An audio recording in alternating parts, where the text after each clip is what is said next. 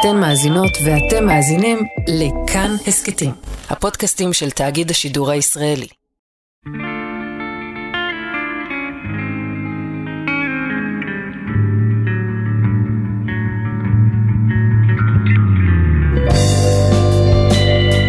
היי, אני ניר גורלי ואתם על כאן 88 הסכתים במיני סדרה תפסיקו את הרעש.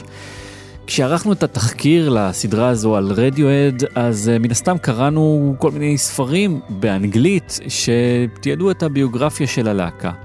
ובכל ספר או כתבה הגיע הרגע הזה שבו מתוארת הפריצה של רדיואד בישראל. ואז חשבתי לעצמי, למה להסתמך על ביוגרפיה שכתב סופר בריטי לפני 20 שנה, אם אני יכול פשוט להרים טלפון. אז התקשרתי ליואב קוטנר ודיברתי איתו על מה באמת קרה שם ומי באמת היה אחראי על הפריצה של רדיואד ולשמחתי הוא שיתף פעולה וסיפר לי הרבה דברים שחידשו לי וגם שלח קטעי ארכיון מאותה תקופה. אז זו הזדמנות להגיד לו שוב תודה ולפרסם כאן את הריאיון המלא שערכתי איתו. אז הנה, שיחה עם יואב קוטנר עם הסיפור המלא של רדיואד בישראל.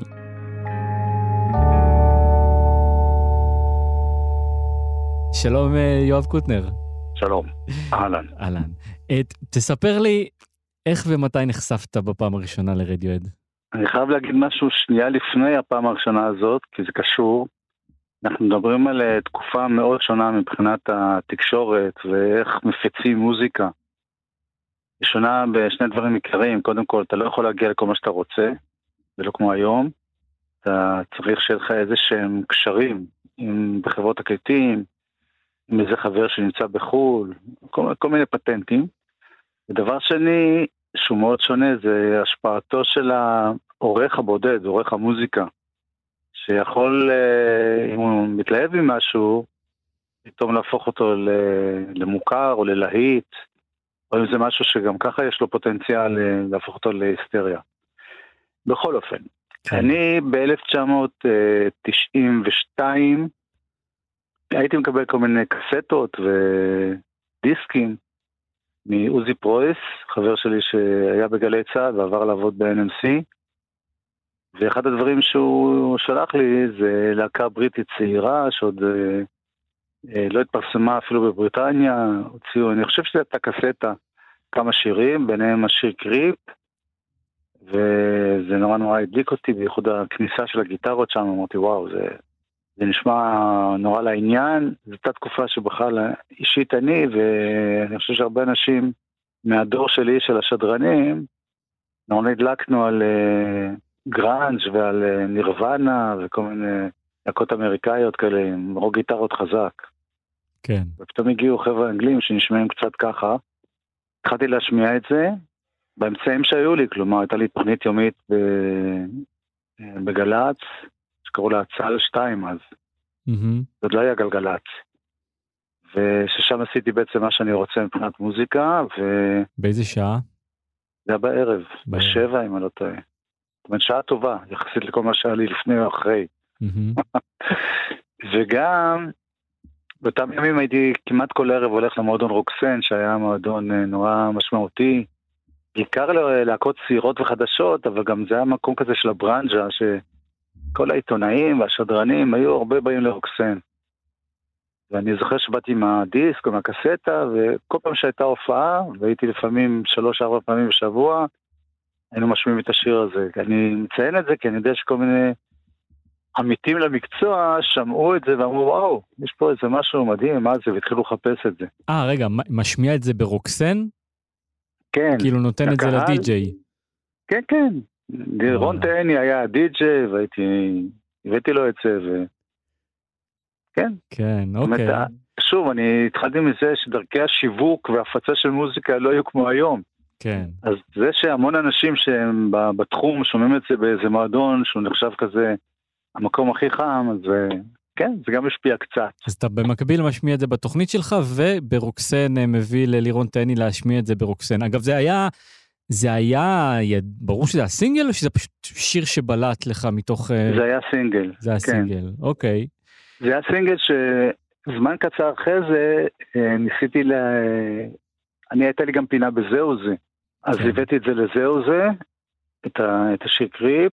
אהלן, היום אנחנו נראה להקה אנגלית צעירה שהרבה אין מה לומר עליה, כיוון שהיא ממש בתחילת דרכה, היא הוציאה שני תקליטונים בסך הכל, והשיר שאנחנו נראה הוא שיר נהדר שהוא אחד המושמעים ביותר ברדיו הישראלי בשבועות האחרונים, בתחום שאינו דיסקו, טכנו, ריקודים, כל הדברים האלה, אלא תחום הרוק. זה שיר שנקרא נבזה, קריפ, והלהקה היא רדיוהד, ראש רדיו מאנגליה.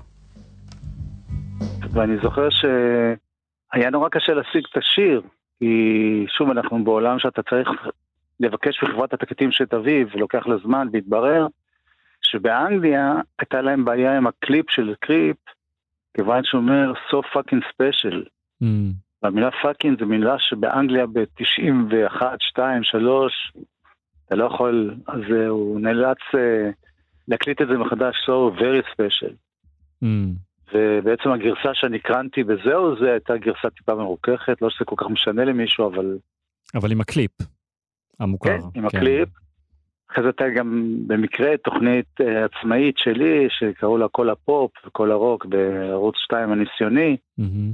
אז גם שם רצתי עם זה, זאת אומרת זה היה, הייתי תמיד אה, מאוד בשוליים מבחינת המקום שאני משמיע, זה לא היה דידי הררי בפריים טיים, אבל אה, בשוליים עשיתי את כל העבודה שאני יכול. וזה היה דבר שכיח לקבל שיר של להקה לא מוכרת ולהשמיע כן. אותה? כן, אבל תשמע, גם להקות מוכרות, באותם ימים הם היו אה, לא ממש אה, במיינסטרים הישראלי.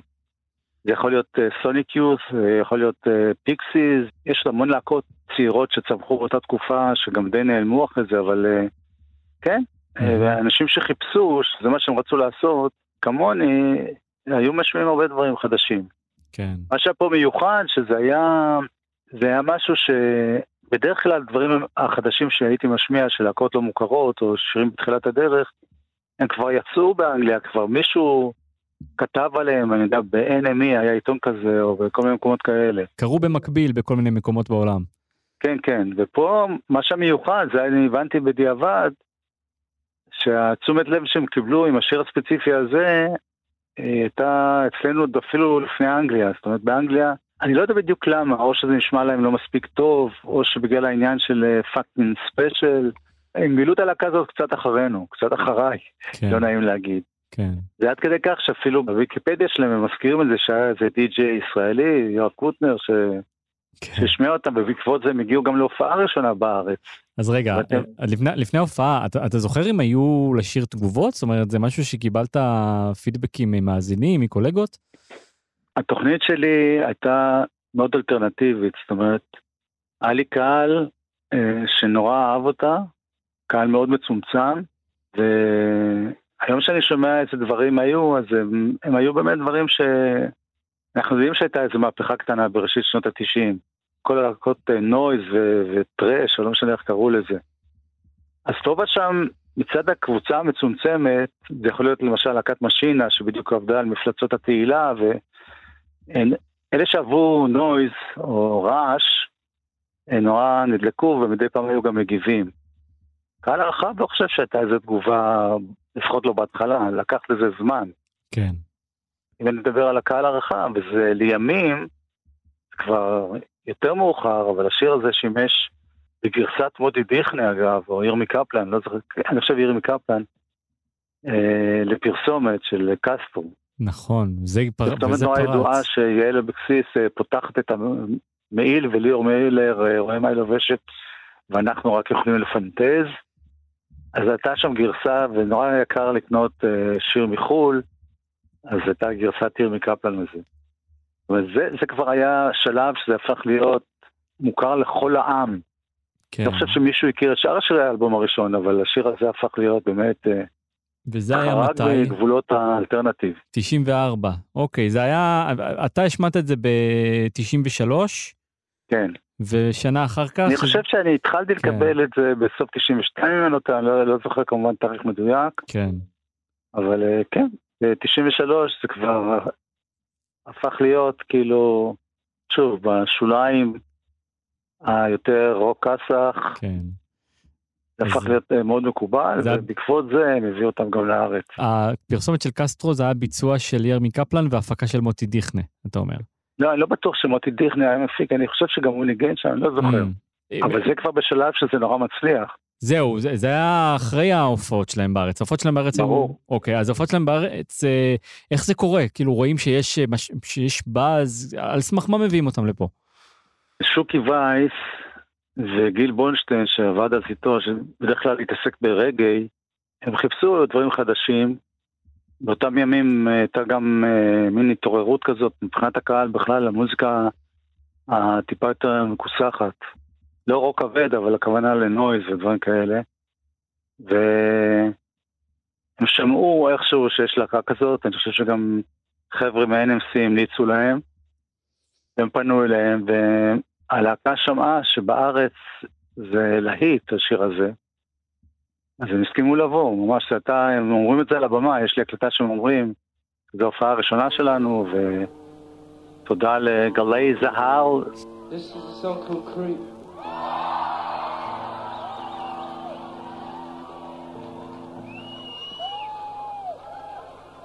This is for Galate Sahel.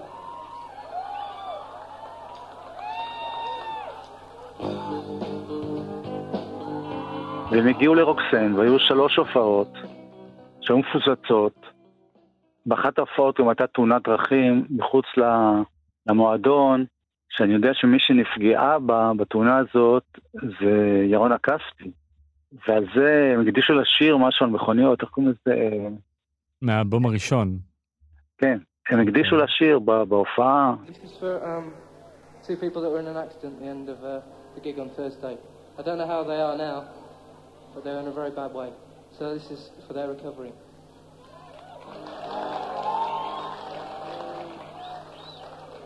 Too hard on the brakes again. What if these brakes just give in? אתה שאלת על תגובות, כן. אז בשלב הראשון באמת זה היה מאוד מצומצם לחוגים uh, כאלה. בשלב השני שזה פתאום מתחיל להיות uh, תופעה שמדברים עליה, כותבים עליה פתאום, כל מיני כאלה, אז קרה משהו מאוד משונה לפי דעתי, שהמון מאלה שמחשיבים את עצמם הכי בעניינים, הכי קולים, בכל מיני עיתונים כמו העיר ומקומות אחרים, דווקא ירדו על זה, אמרו כן, מה, מה אתם מתלהבים, זה בסך הכל uh, תופעה שתחלוף. אני יודע שעוזי פרויס מ-NMC אז קיבץ כל מיני אה, ביקורות רעות על הלהקה הזאת, לא הספיקו המסכנים עוד להוציא אלבום ראשון, כבר, כבר אנשים קוטלים אותם ואומרים שאין להם עתיד. כן. כאילו היה מין משהו שבעיניהם היה אין בביקורות האלה, לכתוב על כל דבר שהוא אין שהוא לא שווה. כאילו, כן. אנחנו צריכים להיות יותר מיוחדים. בסדר, אז היו כאלה שפספסו את הנבואה. הרבה, אני חושב שהרבה בהתחלה, אבל השינוי באמת במהלך אה, השנתיים הקרובות נגיד, גם יצא אלבום, גם היו הופעות בארץ, גם היה העניין הזה עם הפרסומת, גם עוד שדרנים התחילו להשמיע, בהתחלה הייתי די לבד שם, אבל לאט לאט היו עוד שדרנים ש... שהשמיעו את זה, התחילו להיות קצת אה, קליפים, במקומות המעטים שיש אה, אפשרות לראות קליפים. MTV מתחילים לשדר באותו זמן אה, בישראל, אולי גם זה משפיע. כן. ובכל אופן, מה שקורה, שמגיעים עוד פעם ב-95, כלהקת חימום ל-R.E.M. כן. וזה כבר הופעה באצטדיון רמת גן, וכבר זה עשרות אלפי אנשים, וזה כבר אה, להקה כאילו מפורסמת, גם את זה אגב אה, שידרתי בגלי צה"ל. הם היו אז אהובים כמו אריאם, או שעדיין הייתה היררכיה מסוימת? לא, הם היו לגמרי הקטנים, להקת חימום שהריצה את R.E.M. זה בעולם, השאלה אם בארץ היה פה בארץ איזשהו... ברור, ברור, R.E.M. היה להם שיר Losing My Religion, שהיה פה, היה להיט מטורף. שוב, זה להקה, זה לא מיינסטרים, אבל זה להקה שבתחום הלא מיינסטרים הייתה די מצליחה בארץ. כן. ו-R.E.M. היו להם נגיד חמישה-שישה להיטים שכולם מכירים, מהמם. ורדיואד היו בהתחלה, אבל אה, הם כבר עשו אלבום נפלא בשם The Bands. זאת אומרת, אה, כבר הבינו שזו לא להקה שחולפת מן, מן העולם. ואגב, בהופעה הזאת בארץ, הם בין השאר שרו שיר חדש חדש, שלימים יצא באלבום השלישי שלהם, אופר קומפיוטר, וזה שיר שנקרא לקי.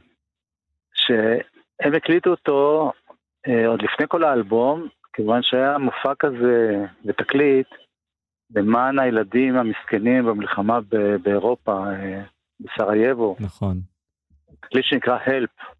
ושם מופיע שיר לקי פעם ראשונה והם מבצעים אותו בארץ, ובעיניי זה נורא נורא מרגש. כאילו, הם כבר, למרות שזה היה מופע שמוקדש לאלבום השני, הם גם כמובן התייחסו לאלבום הראשון וגם uh, לשלישי. ובשנת 2000 הם uh, מופיע, מגיעים שוב הפעם לבד. בלעדיי אתה מתכוון? שם כבר, שם כבר זה היה בלעדיך? כן. בסינרמה כבר לא היית? לא. תשמע, בין, כן. בין 95 ל-2000 הם הופכים להיות באמת אחת הלהקות הכי חשובות בעולם. כן. בעיניי הם היו גם קודם, אבל אל תשכח שיוצא אוקיי קומפיוטר, שבאמת הופך אותם ללהקה, אתה, אתה לא יכול להיות אחד שכותב על מוזיקה חדשה באותם ימים ולא יכול להתייחס אליהם. אז... אה, אבל הם גם, גם מבחינת, הייתי אומר, ההתנהגות, ההתנהלות, זה כבר הרבה יותר להקה של סופרסטאר, כבר להקה כאילו אמריקאית ש, שדואגים לה ומקיפים אותה.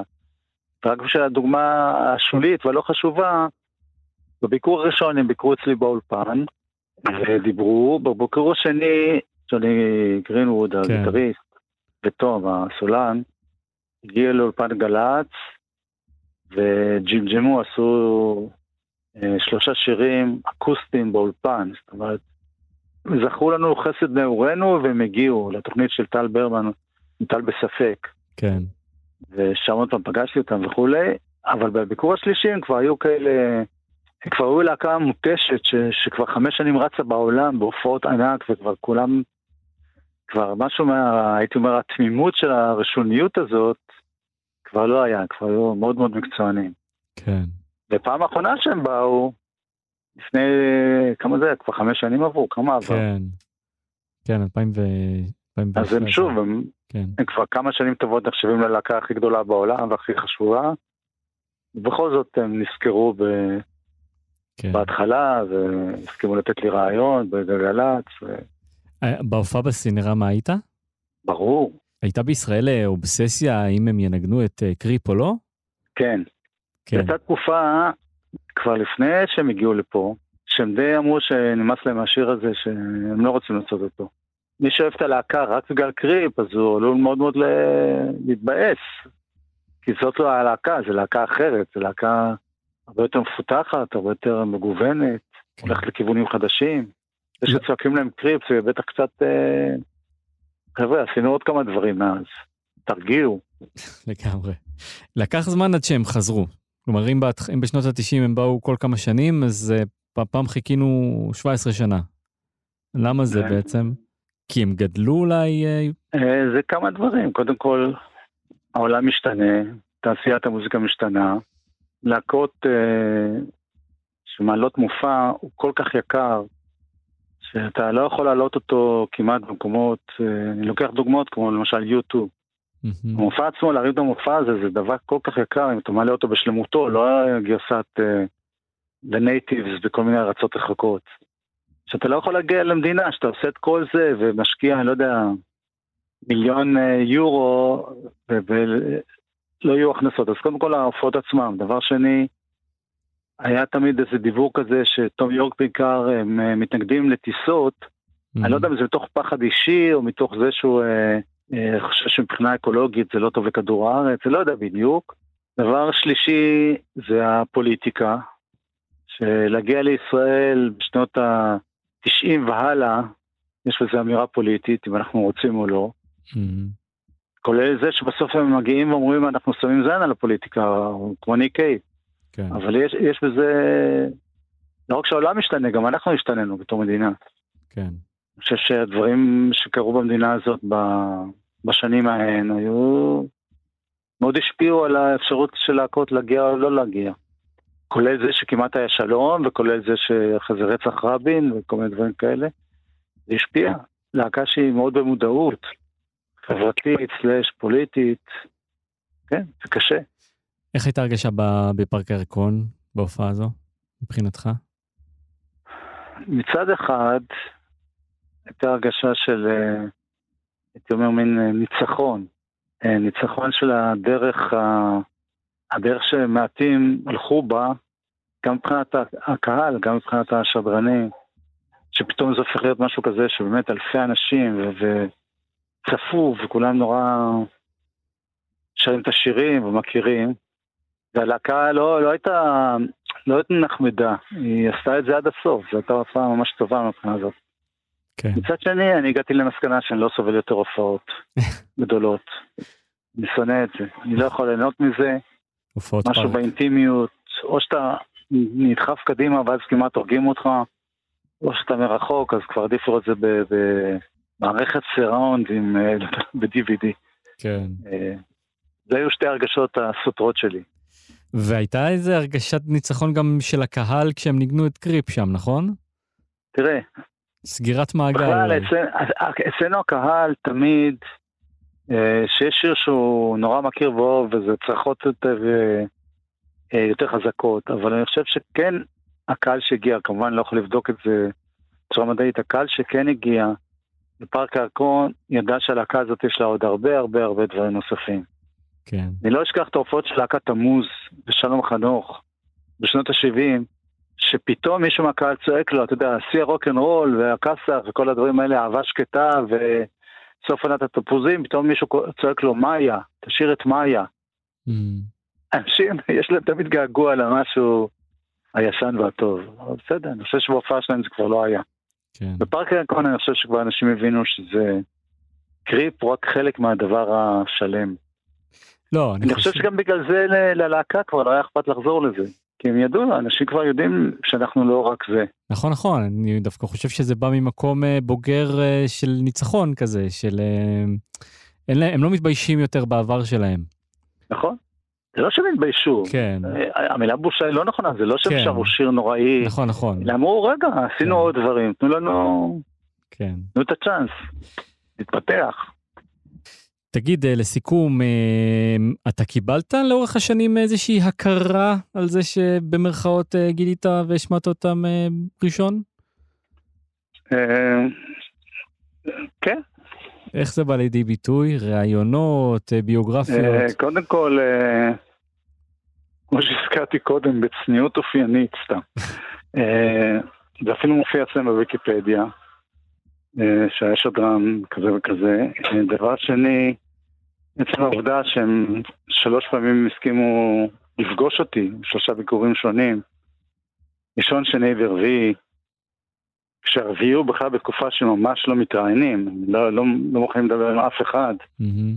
אז אה, כן, זה מין הכרה. וחוץ מאותו עוזי, פרויס, מהמם. הוא חבר ממש של הלהקה, של המנהל שלהם. והייתי מקבל מדי פעם דשים ושאלות מה שלומי. כן. זה, זה מין הכרה, זה לא, לא הכרה רחבה בקהל הרחב, למרות שהסיפור הזה איכשהו נפוץ, אנשים יודעים על זה.